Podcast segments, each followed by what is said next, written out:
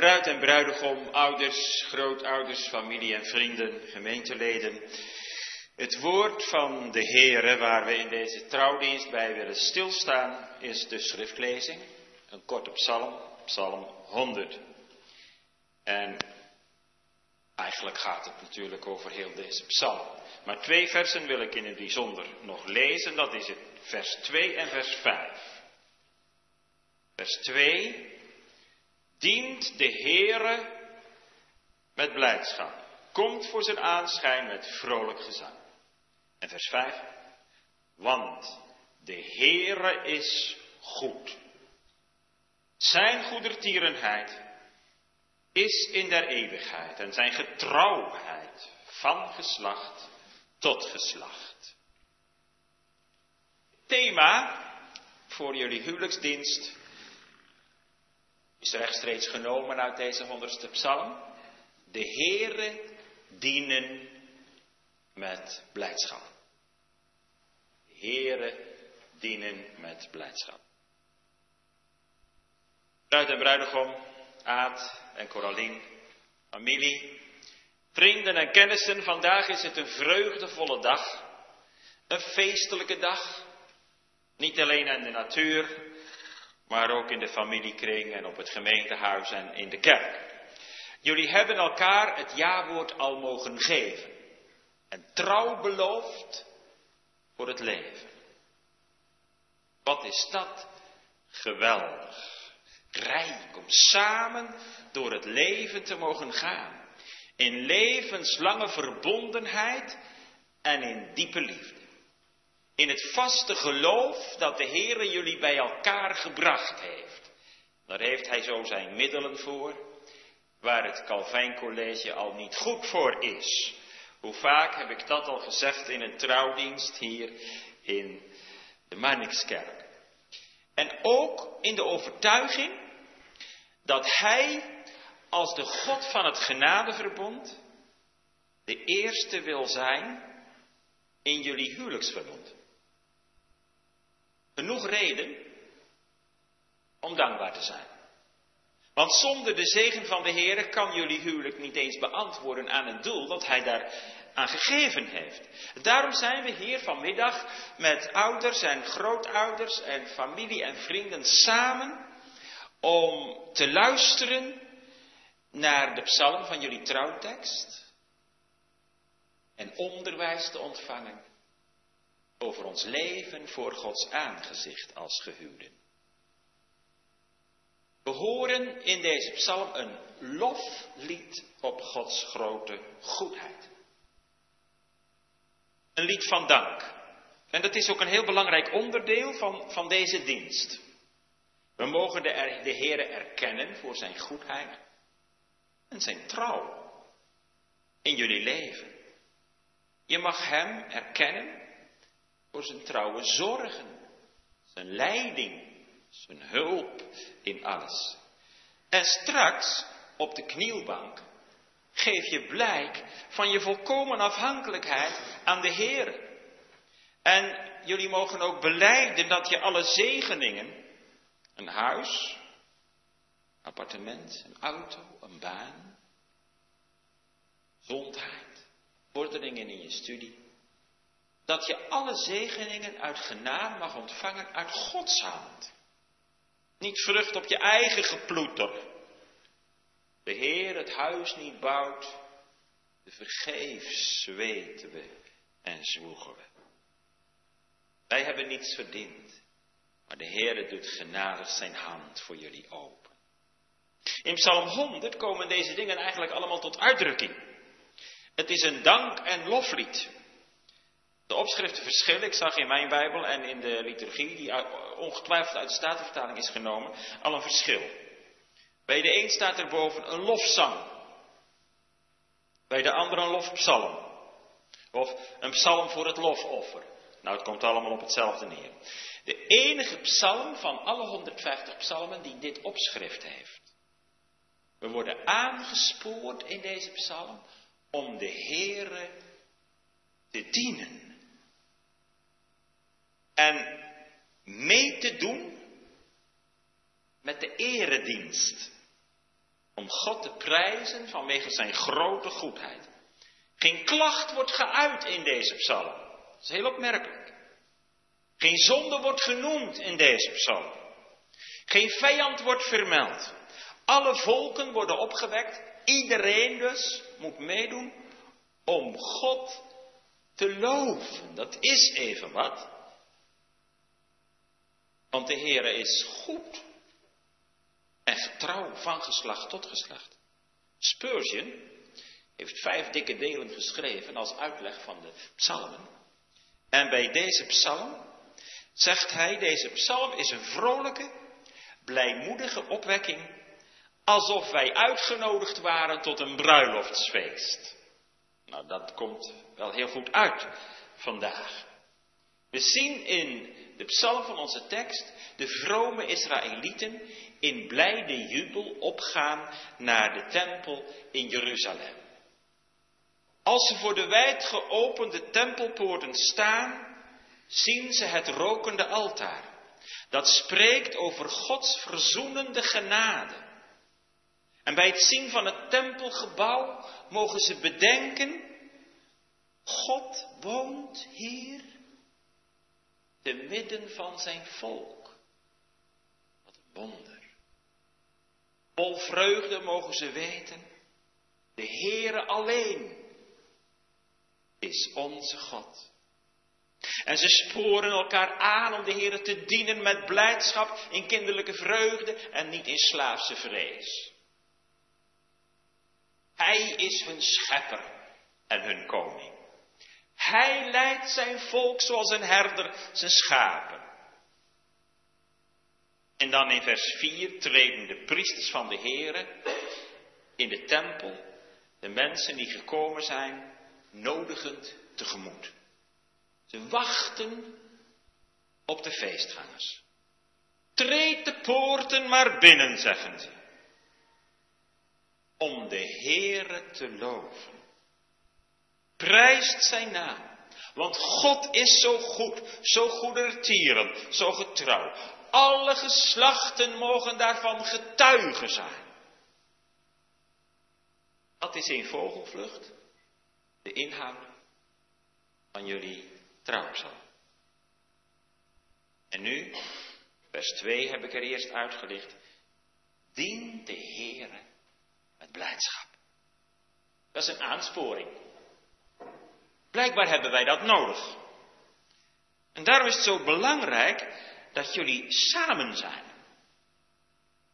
Want dan kun je elkaar aansporen en elkaar meenemen en elkaar wijzen op die opdracht die je vandaag meekrijgt in je huwelijkspsalm. Om de Heere te dienen.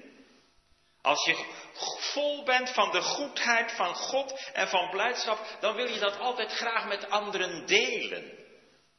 Een andere psalmdichter zegt, komt, maakt God met mij groot.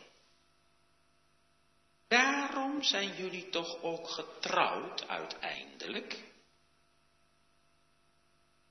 Tuurlijk, om met elkaar gelukkig te zijn. Om elkaar te helpen. Leven te delen. Als de Heer het geeft, een gezin te stichten. Maar ook om met de dingen die tot het eeuwige leven behoren samen bezig te zijn en elkaar daarbij te helpen. Dat zullen we straks lezen in het formulier. Dus kort gezegd, om samen de Heer te dienen en daarin gelukkig zijn. Dat is het doel van jullie huwelijk. De Heere staat met kapitale letters in de Statenvertaling. En dat betekent, dan staat er in het Hebreeuws Yahweh of Jehovah, zoals we dat vaak zeggen. De verbondsgod. De God in wiens naam jullie allebei zijn gedoopt. Die God die jullie bestemd heeft voor zijn dienst. En waar je ook antwoord op gegeven hebt. Toen je allebei beleidenis mocht doen. En mocht zeggen, ja heren, wij willen u dienen. In ons persoonlijk leven, ons beroep, ons huwelijk. Hij is het zo waard. Lieve mensen, hij is het zo waard. dat we deze God dienen. Ook als hij de kinderzegen schenkt. Daar gaat het toch uiteindelijk ook om, om de uitbreiding van Gods koninkrijk. Samen dienstbaar zijn in de gemeente. Psalmdichter zegt, komt voor zijn aanschijn met vrolijk gezang. Gaat tot zijn poorten in met lof. En voor ons is dat natuurlijk niet meer de tempel in Jeruzalem. Maar de kerk, de gemeente, waar je lid van bent, waar je actief hebt meegedaan, waar je je gaven en je krachten wil besteden ten behoeve van anderen, appellen, wissingen.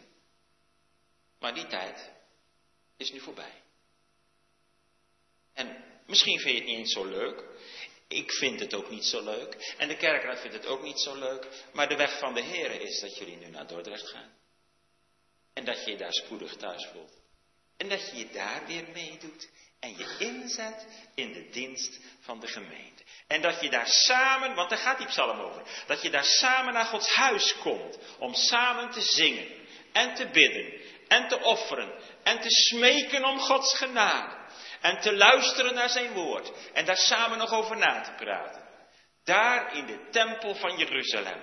Daar openbaarde God zijn genade van boven het verzoendeksel. In zijn huis openbaart de Heere Jezus Christus zich in de gestalte van het evangelie. En als je hem mag liefhebben, en zijn grootheid mag zien, dan springt je hart toch op van blijdschap. En daarom zegt de dichter, looft hem. Prijst zijn naam. Dat is een opdracht, neem elkaar mee. Dient de Heer met blijdschap. Blijdschap, dat is een mooi woord. Dat is ook een van de facetten van de vrucht van de geest. Blijdschap. Niet tegen wil en dank. Niet omdat het nou eenmaal moet. Nee, omdat je je vrijwillig toewijdt aan de dienst van de Heer. Omdat je vrijwillig gehoorzaam wilt zijn met vallen en opstaan aan zijn heilzame geboden. Omdat je zijn naam wilt verheerlijken. De dienst van God heeft altijd een vrijwillig karakter. Iets liefelijks. Vindt u dat ook? U die hier samen bent, familie, vrienden, bruiloftsgasten, gemeente, vindt u dat ook? Dan is er wel een wonder gebeurd in je leven. Want van huis uit zit het er helemaal niet in om vrijwillig met blijdschap de Heer te dienen. Laten we dat maar gewoon eerlijk zeggen wat de Bijbel daarover zegt. Dan zijn we gericht op onszelf en op al onze spullen die we hebben. En alles wat de wereld te bieden heeft. En als je God niet lief hebt, dan lijkt de dienst van God soms zwaar. Moet dat nu per se? Zo in het gareel lopen? En moet je nu echt drie keer per dag met het eten of het opstaan of naar bed gaan, de Bijbel lezen en, en, en bidden en, en, en naar de kerk gaan en dat nog twee keer? Zijn wel mensen die zien daar weinig bekoorlijks in. En ze doen sommige dingen met tegenzin, dan bij je diep te beklagen. Maar zo moet je het niet doen, zegt de dichter van Psalm 100. Dient de Heer met blijdschap. Kijk eens wat een vreugde er verbonden is aan de dienst van de Heer. Wat een misvatting als je dat ziet als een zwaar juk. Alsof de dienst van God zou bestaan in een bedrukt gezicht en veel getop en geklaag en nooit eens een keertje blij te kunnen zijn.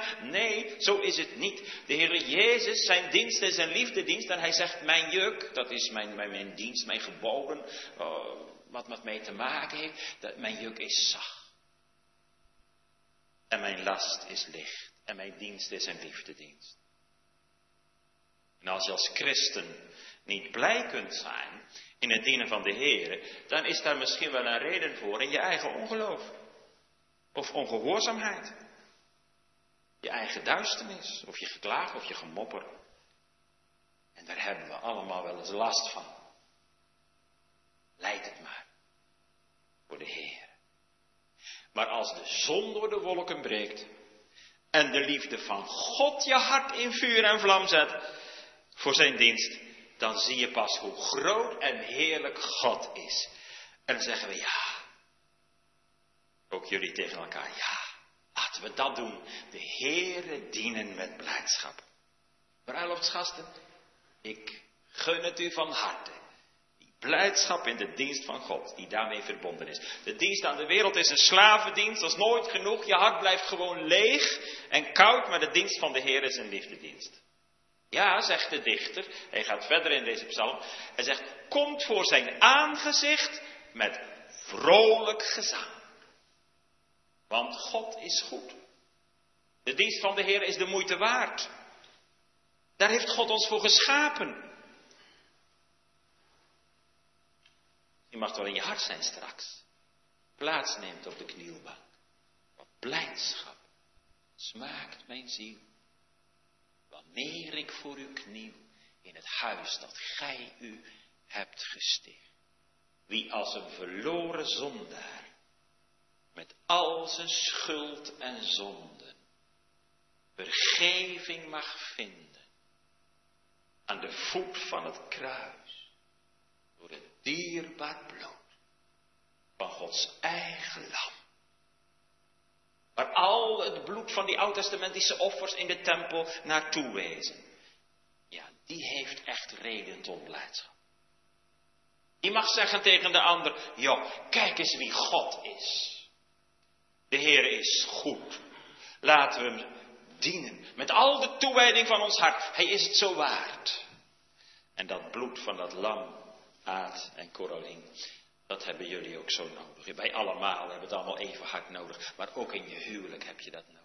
Want je bent natuurlijk heel erg verliefd op elkaar en dat is uitgegroeid tot liefde, een diepe band. Maar je bent wel allebei mens. Ja, zondige mensen, dat zijn we hier allemaal. En dat komt eruit op de een of andere manier. En dan zal het ook wel eens zijn dat je elkaar niet zo goed begrijpt. Of dat je iets denkt of zegt wat reiniging nodig heeft. Bloed van de Heere Jezus. Maar blijf staan. Dien de Heere met blijdschap. Voor dat woordje dienen. Dat woordje dienen, dat wijst op een vreugdevolle, gewillige gehoorzaamheid. Zoals de levieten en de priesters dienden in de tempel. Dat woordje dienen wordt ook gebruikt voor de Heer Jezus. Hij is de knecht des Heeren. Niet gekomen om gediend te worden, maar om te dienen. Hij gaf zichzelf tot in de dood. Hij betaalde zijn bloed als de dure bruidsschat voor zijn zwarte bruid. Vrijwillig. Uit liefde. Uit een bruidegom, zo mogen jullie alles voor elkaar over hebben. Maar vooral ook voor de dienst van God. Je krachten, je gaven, je stem, alles. Heere dienen in zijn tempel. Psalm 100. Eredienst, daar gaat het om. Eredienst. Ook in je persoonlijk leven. Als priester in het ambt van alle gelovigen heb jij, Aad, bruidegom, de eerste plaats de taak om ook priester te zijn in je eigen huis, in je eigen gezin. En je vrouw, en als de Heer een gezin geeft, te dienen. En er veel van zulke mensen in de kerk, die de Heer hebben lief gekregen, die de Heer vrezen met heel hun hart en respect hebben gekregen voor de heilige naam van de Heer. Oh, dan is de zonde je wel bitter geworden. En dan heb je de Heer Jezus zo nodig gekregen als borg voor al je schuld en zonden. En wat kom je dan graag onder het woord van God? En wat is er dan een honger en een dorst in je hart naar de Heer en een diep verlangen om zijn nabijheid te ervaren en zijn verzoenende liefde in zijn bloed te mogen zien? Wat ben je dan vaak stil voor de Heer? Mijn ziel is immers stil tot God. Van Hem is mijn heil. En al veroordeelt het woord van God je, je mag toch wel eens iets proeven van Gods goedertierenheid en zijn liefde. En dat zou je voor geen geld van de wereld willen missen. De verborgen omgang met de Heer wordt je hoogste verlangen. Wat een liefde. Wat is het groot bruid en bruidegom om niet elkaar alleen lief te hebben, maar om samen God lief te hebben. God van je doop, de schepper van hemel en aarde. Dient de Heere met blijdschap. Daar heeft hij recht op. In vers 3 zegt de dichter, de Heere is God. Hij heeft ons gemaakt. Gemaakt tot zijn volk. Gemaakt tot de schapen van zijn weide. Zo mag Israël dat beleiden. Maar toch brengen die woorden ons ook bij God als de schepper. Hij heeft de mens geschapen. Heeft Adam geschapen uit het stof van de aarde. En Eva als een hulp, een helpend wezen, een helper die aanvullend past bij Adam. En niet aan hem gelijk is, maar wel een gelijkwaardige positie heeft gekregen van de Heer. Hij heeft ons gemaakt. Goed. Goed gemaakt. En naar zijn evenbeeld, naar Gods beeld zijn wij geschapen. God maakte Eva niet uit de aarde. Voelt u waarom? Adam uit de aarde. Eva niet. Dat had God ook kunnen doen. Maar is dit niet veel mooier? Dat God Eva gemaakt heeft uit een rib van Adam? Een rib uit zijn lijf, zeggen we wel eens. Daar zit iets in. Door die manier van scheppen wordt duidelijk dat die onderlinge relatie zo heel erg vast en dicht bij elkaar is. Zo horen zo intiem bij elkaar. Uit, uit een rib van Adam is Eva gemaakt. Ze zijn helemaal één samen. Apart zouden ze maar de helft zijn. Zij aan zij zullen zij door het leven gaan. En God brengt zelfs Eva tot Adam. En God stelt het huwelijk in, zelfs voor de zondeval. En Adam zingt zijn eerste liefdeslied. Deze is ditmaal been van mijn gebeente en vlees van mijn vlees. Ja, zegt de dichter, hij heeft ons gemaakt. Hij heeft het huwelijk ingesteld. En daarom zal de man zijn vader en moeder verlaten en zijn vrouw aanhangen. En zij zullen tot één vlees zijn. Eén vlees. Dat is de uitdrukking voor de algehele, blijvende, geestelijke, lichamelijke en emotionele verbondenheid tussen man en vrouw. Buiten bruidegom, als jullie zo samen naar Gods bedoeling met blijdschap de Heer mogen dienen, zoals het staat in Psalm 100, je trouwtekst, dan ben je echt gelukkig dan ligt er iets van de eeuwigheid in. Dan heb je de tijdelijke en de eeuwige dingen gemeenschappelijk. Dan mag je elkaar lief hebben in de Heer. Dan komt je huwelijk tot zijn doel. God prijzen. De Heer dienen met blijdschap.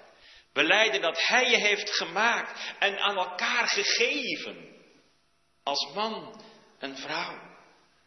Daarmee komen we tot het motief of, of de drangreden om samen de Here te dienen. En dat is vers 5. Ik zal vers 2 en 5 er in het bijzonder even uitlichten. Nou, vers 5. Want de Heere is goed. Zijn goedertierenheid is in de eeuwigheid. Zijn getrouwheid van geslacht tot geslacht. De Heere is goed. Toof staat er in het Hebreeuws. Tof hebben wij daar nog van, maar dat is een oppervlakkig woord eigenlijk. Het is veel dieper. De Heere is goed. De dichter heeft niets dan goeds over God te zeggen. Hij heeft God in de ogen gezien. Vanuit de verzoening. Ogen vol liefde. Ogen vol erbarmen. Ogen vol genegenheid. Bij die goedheid gaat het vooral ook om het bewijzen van die goedheid. Gods daden. Waardoor hij de ander zegent. En je welzijn bevordert. Zo mogen jullie dat beleiden vandaag. De Heere is goed. Hij bracht je bij elkaar. Hij geeft je deze dag. Zing het maar met heel je hart. Uw goedheid, Heere, is hemelhoog. Ja, zegt de dichter, en zijn goedertierenheid is tot in der eeuwigheid. Dat betekent niet onderworpen aan de wisselvalligheid en de veranderlijkheid van dit leven en alle ontwikkelingen in dit leven. Economische crisis, recessie, beurzen die kelderen. Daar is die goedertierenheid van de Heer helemaal niet van afhankelijk. Dat is niet wisselend. Dat gaat daar niet mee op en neer. Want die is eeuwig. Onwrikbaar vast. Onveranderlijk. En die gaat mee over de grens van de tijd en de dood heen. Onze menselijke goedertierenheid is als een bloem op het veld. Zo afgesneden, zo verdood. Onze liefde en als man en vrouw. Als gave van de Heer. In zijn algemene genade blijft als God het geeft en als je daar aan werkt in je huwelijk, als je steeds houtjes op het vuur blijft doen, dan blijft die liefde van ons, die goedertierenheid van ons, tot aan de dood. Gods goedertierenheid is eeuwig. In dat woordje goedertierenheid zit zoveel rijkdom, dat is gewoon eigenlijk niet te vertalen. Er zijn een heleboel woorden voor nodig. Je zou kunnen zeggen genade, erbarmen, verbondstrouw, liefdevolle houden jegens arme en ellendige mensen. Het wil zeggen wie de Heer is en zijn wil voor zondige mensen. Het is eigenlijk een samenvatting van al Gods genade, al zijn liefde, al zijn trouw. Over deze wereld waarin wij leven welft zich de hemelkoepel van Gods goedertierenheid. Zijn verbondstrouw dat Hij helpt en vergeeft en leidt en beschermt. het is de vaste grond van Gods genade. Die zegen en die genade bewijst de Heer nou juist aan mensen die het niet verdiend hebben. Dat, dat zegt het woordje genade ook. Je hebt het helemaal niet verdiend. Je hebt er geen recht op. Het is genade. Vandaar die knielbank straks. De smekeling. Heere, wilt u ons huwelijk zegenen en ons gelukkig maken. Van onze kant is die goedertierenheid van God op allerlei manieren verzondigd. Maar God is zo getrouw. En daarom vervult hij zijn beloften. Dat is juist een kenmerk van zijn genade. Het, het wordt geschonken zonder enige grond in ons. God kijkt niet, eh, hoe zit jij in elkaar? Nou, je hebt wel genoeg om. Nee zondaars. Leen genade. Dat is het kenmerk van genade. Wordt geschonken zonder enige grond in ons. Het is louter barmhartigheid, louter goedgunstigheid. Wat ben je toch goed af, bruidspaar. Als je de Heer echt mag vrezen. Zoek het toch. Zoek het zeker te weten. Laat de Heer niet los. Dan zij hij je ook daarin zegen. En de grond van dat alles van al die rijkdom is Gods verbond, zijn trouwverbond. Dat openbaar komt in de wederzijdse gezindheid van de verbondspartners. Die zijn elkaar trouw. En dan, daarom staat erbij dat woordje geset, goede tierenheid, ook nog het woordje en met, en dat is trouw. Getrouwheid. Zijn trouw is van geslacht tot geslacht. De Heer is getrouw. Hij doet wat hij zegt. En die houding blijkt ook in zijn daden. En zo beloven jullie elkaar trouwens ook. Straks. Elkaar trouw en geloof te houden in alle dingen. Trouwbaar te zijn en getrouwd te zijn naar elkaar toe. Nou, dat belooft God ook aan zijn volk. En Christus belooft het aan zijn bruid. Hij gaf zelfs zijn leven voor haar. Daarom houdt hij goede tierenheid ook Gods vergeving in. Zijn vergevingsgezindheid. Dat heb je ook zo nodig.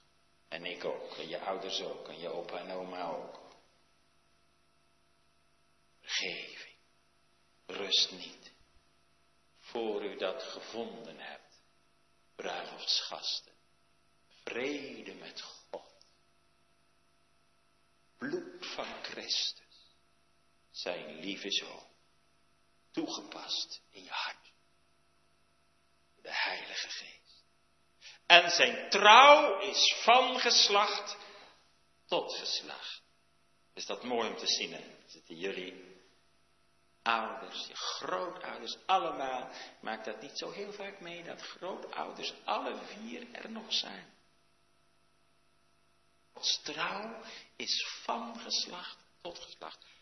Gods trouw gaat mede geslachten in. Waarom? Omdat God de God van het verbond is. Omdat Hij het water van zijn genade laat stromen door de bedding van het genadeverbond. Omdat er door de geslachten heen ook gebeden is. En de Heere gediend is. Gods trouw is over degenen die Hem vrezen. En zijn gerechtigheid aan kindskinderen, aan kleinkinderen. Die zijn verbond houden. En aan zijn bevelen denken om die te doen. Psalm 103.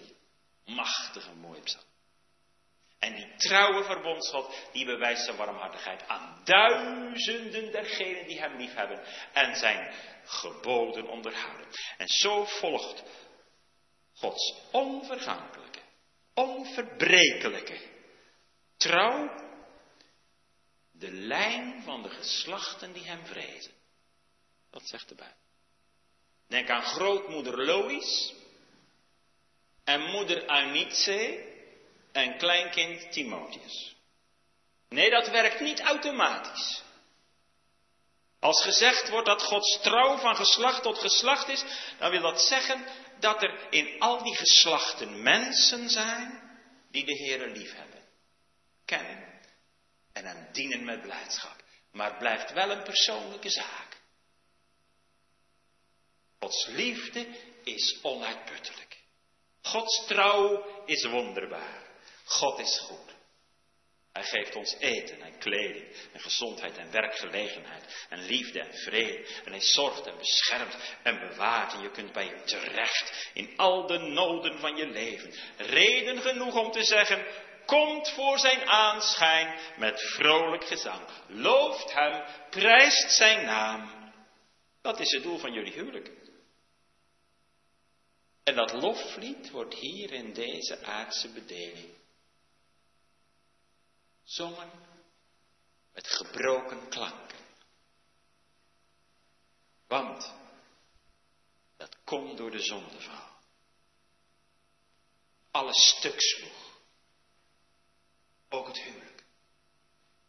Adam en Eva.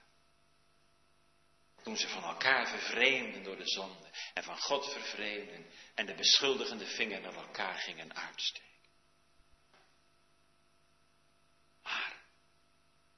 Komen we bij het diepste geheim van het huwelijk.